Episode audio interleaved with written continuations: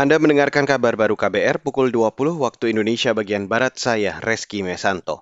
Saudara Kementerian Perhubungan memperkirakan terjadi lonjakan pemudik pada lebaran tahun ini. Itu terjadi setelah keluarnya aturan soal tidak diwajibkannya tes antigen atau PCR jika telah di booster. Padahal menurut Menteri Perhubungan Budi Karya Sumadi, semula pemudik diprediksi hanya 24 juta orang. Survei yang kita lakukan pada minggu pertama masih 50 juta yang mudik. Tetapi survei berikutnya 79 juta. Dan di antaranya 13 juta berasal dari Jabodetabek. Jadi bisa dikatakan jumlah Jabodetabek yang akan mudik banyak sekali. Budi Karya Sumadi mengungkapkan berdasarkan survei yang dilakukan Kemenhub pertengahan Maret, diperkirakan 79 juta orang akan mudik 2022. Dari jumlah itu, 40 juta orang di antaranya akan mudik dengan kendaraan pribadi, sisanya menggunakan transportasi umum. Beralih ke berita selanjutnya, Saudara, PT Pertamina siap menghadapi kenaikan konsumsi energi sepanjang Ramadan hingga Idul Fitri. Hal itu diungkapkan Direktur Utama PT Pertamina Patraniaga, Alfian Nasution, saat rapat dengar pendapat di DPR hari ini.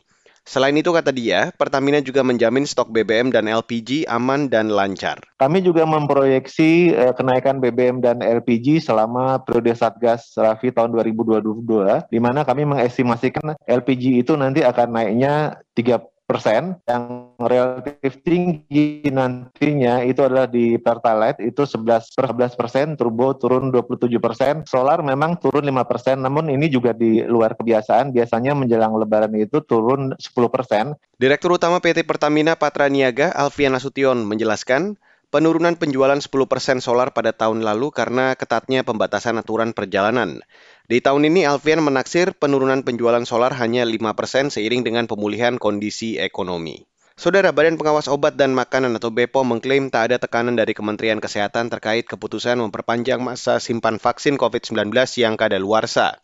Kepala BPOM Penika Lukito mengatakan keputusan perpanjangan itu berdasarkan kajian ilmiah standar internasional keputusan untuk menggunakan vaksin expired, vaksin yang diperpanjang shelf life-nya atau vaksin yang sudah uh, diperpanjang lagi tanggal kadaluarsanya itu tentunya bukan ada di kami, ada di pemerintah uh, Kementerian Kesehatan dalam hal ini. Tugas kami adalah melaksanakan uh, fungsi Badan POM sebagai otoritas untuk mengizinkan berdasarkan data saintifik yang kami terima, evaluasi yang kami lakukan bersama tim Komnas, uh, ya saintifik yang berjalan, tapi kemudian apakah nanti akan digunakan itu tentunya keputusan ada di Kementerian Kementerian Kesehatan.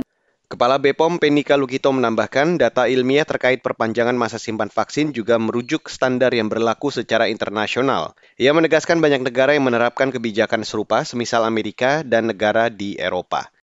Dan saudara, demikian kabar baru saya Reski Mesanto.